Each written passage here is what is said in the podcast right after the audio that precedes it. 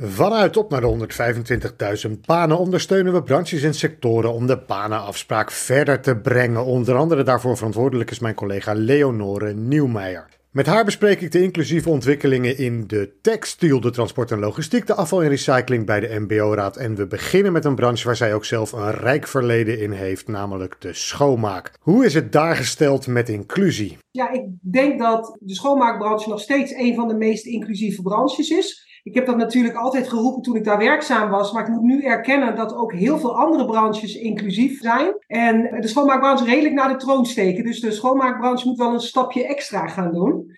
En eh, dat is eigenlijk precies het bruggetje naar waarover ik met ze in gesprek ben gegaan. Ik ben met ze in gesprek gegaan over hoe bereiken wij nou die MKB'en? Die grote bedrijven, de bedrijven die inclusie hoog in het vaandel hebben staan, die zijn allemaal bezig met inclusie. Maar toen ik nog werkzaam was voor de branchevereniging, kregen we ook heel vaak vragen van MKB'ers over hoe kunnen wij dat aanpakken, wat kunnen we doen en uh, hoe zouden wij uh, ook inclusiever kunnen worden. En met name de vragen rondom de inzet van mensen met een arbeidsbeperking. En dat komt mede voort uit eh, de vragen die opdrachtgevers aan schoonmaakbedrijven stellen rondom de inzet van mensen met een beperking. En daar lopen die MKB'ers toch wel een beetje in vast, hebben we ook in de coronaperiode gemerkt. Dat er uiteindelijk vaker wordt gezegd, ik zou graag iemand met een beperking aan willen nemen, maar ik weet niet hoe ik die kan vinden of eh, als ik een vacature uitzet, dan krijg ik niemand. Dus er leven praktische vragen en jij bent aan de gang gegaan met een praktische oplossing daarvoor. Ja, eigenlijk kwam het een tool op mijn pad waarvan ik dacht van hé, hey, de basisgedachte vanuit de tool is een hele mooie om binnen de schoonmaakbranche in te zetten.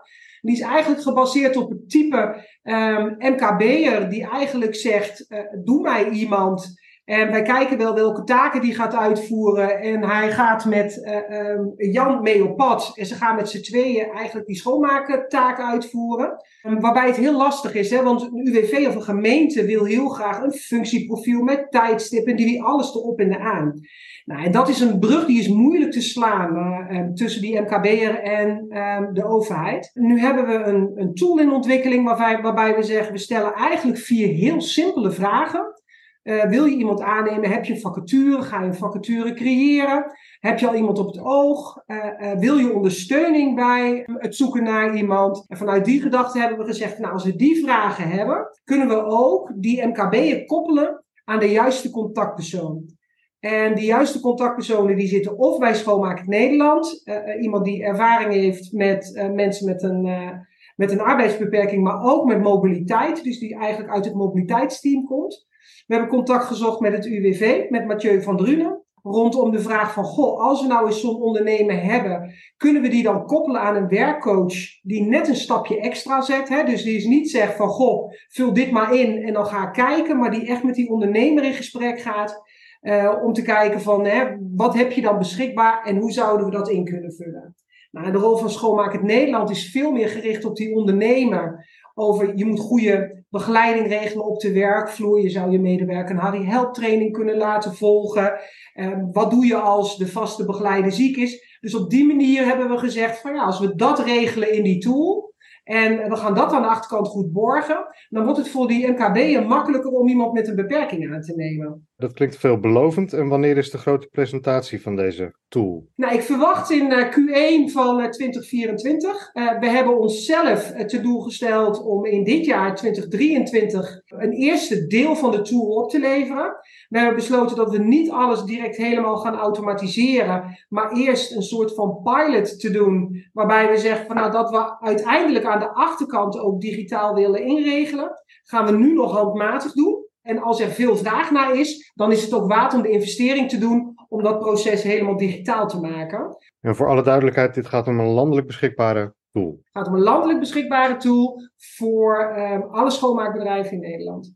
Dat is in elk geval een heel mooi concreet resultaat. Je bent ook bezig geweest in de, en dan moet ik het goed zeggen, afval- en recyclingsbranche. Hoe verliepen je contacten daar en waar, wat was daar de behoefte? Nou, die contacten die verliepen eigenlijk heel gemakkelijk. Hè? Ik had al de, de idee dat uh, mensen met een beperking of mensen met een afstand tot de arbeidsmarkt, dat de afval- en recyclingbranche een goede stap zou zijn richting uh, de arbeidsmarkt.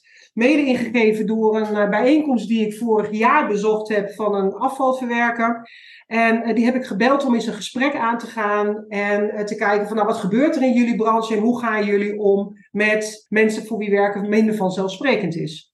Die waren eigenlijk vrij snel heel duidelijk en die zeiden van nou, dit doen wij en wij zijn best inclusief en ik was aardig onder de indruk moet ik je vertellen. Uh, maar laten we ook eens met de branchevereniging gaan praten. Dus dan werd eigenlijk binnen twee weken ook een gesprek geregeld met de directeur van de branchevereniging. En we zijn om tafel gegaan en we hebben gezegd van nou, hè, best een heel inclusieve branche. En toch zie ik jullie nooit in de cijfertjes terug die het UWV presenteert op de monitor. Dus toen zeiden we van nou, laten wij dan zelf eens kijken wat we doen. Uh, niet alleen op de doelgroep banenafspraak, dat gaan we wel separaat meten. Maar we gaan ook kijken voor welke doelgroepen de branche zich nog meer inzet. En zo hebben we een uh, nulmeting uitgedaan bij, althans dat heeft de branchevereniging gedaan, die heeft een nulmeting uitgedaan richting haar leden. 30 november zitten we samen om tafel om die resultaten te bespreken en te kijken welke vervolgstappen we kunnen zetten. Zijn alle bedrijven inclusief?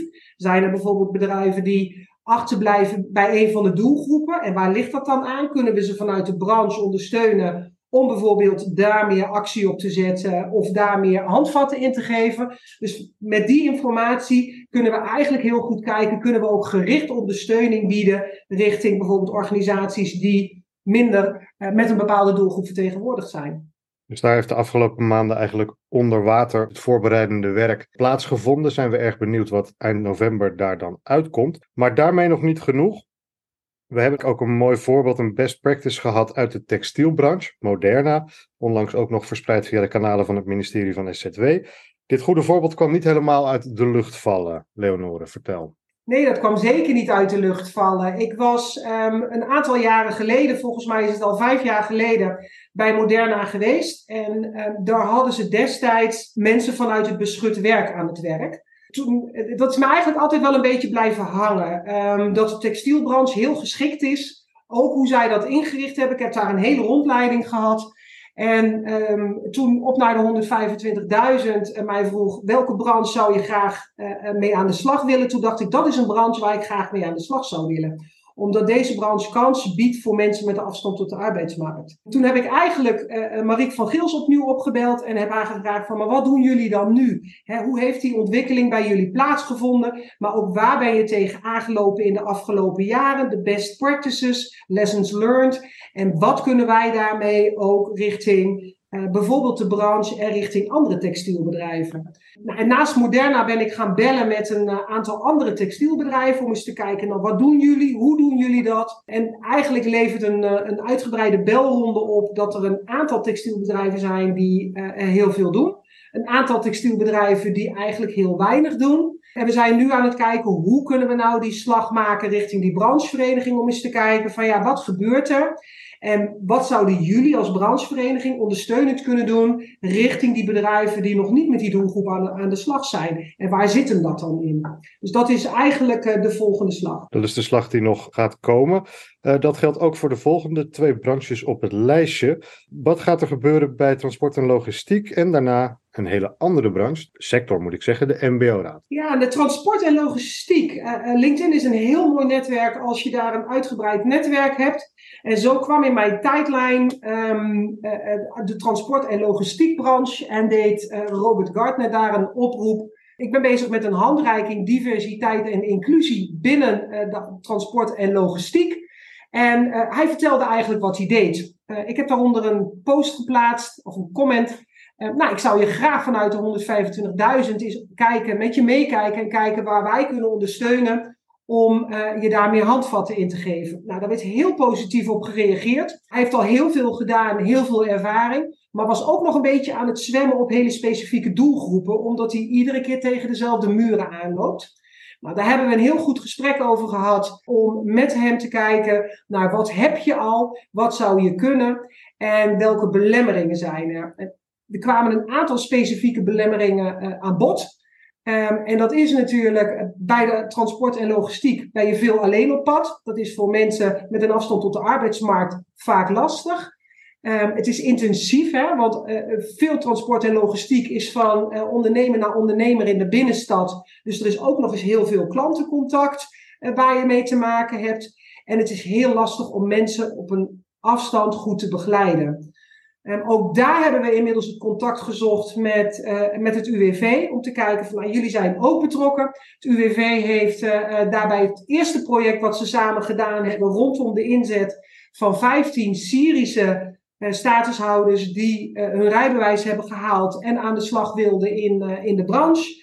Um, daar hebben ze samen ook lessons learned. En ik heb gezegd van hoe kunnen we nou die werelden weer wat beter bij elkaar brengen. Ook gezien mijn ervaringen, mijn goede ervaringen met het UWV in de schoonmaak. En ook dit gesprek met het UWV was weer zo, zo constructief in de zin van hoe gaan we dit samen doen? Waar loop je tegenaan en hoe breng je die werelden samen?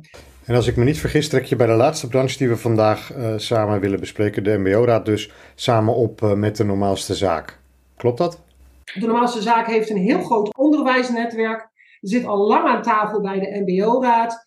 En uh, wij zijn daar vanuit de 125.000, vanuit onze brancheaanpak bij aangesloten. En het mooie is dat de normaalste zaak en uh, op naar de 125.000 elkaar heel mooi kunnen versterken. Dat onderwijsnetwerk is gericht op die individuele school, op die MBO, om uh, daar aan de slag te gaan met inclusie. En wij hebben heel duidelijk de rol opgepakt van wat kunnen wij nou doen om jullie als branchevereniging voldoende handvatten te geven, maar ook de ondersteuning, het faciliteren richting die MBO-scholen om um, uh, inclusiever te ondernemen. Dus dat was eigenlijk een heel mooi gesprek. En direct ook de vraag gesteld, of de vraag kwam eigenlijk van de MBO-raad. En die zeiden, maar we hebben een aantal hele goede voorbeelden binnen de MBO's. We hebben een aantal scholen die heel veel doen. Um, en het zou ook zo mooi zijn als jullie eens een keer een verhaal ophalen bij een, uh, bij een MBO-school om uh, daar A, de samenwerking met het WSP, die heel belangrijk is ook uh, bij die MBO-scholen, om mensen met een afstand tot de arbeidsmarkt in te zetten, in te laten stromen, maar ook door te laten stromen. En dat ook als voorbeeld te laten dienen richting wat hebben we nou nodig om op papier te zetten, om als branchevereniging voldoende ondersteuning te bieden aan die andere MBO-scholen die nog zo met het onderwerp worstelen. En deze best practices zijn inmiddels gepubliceerd, linkjes in de show notes.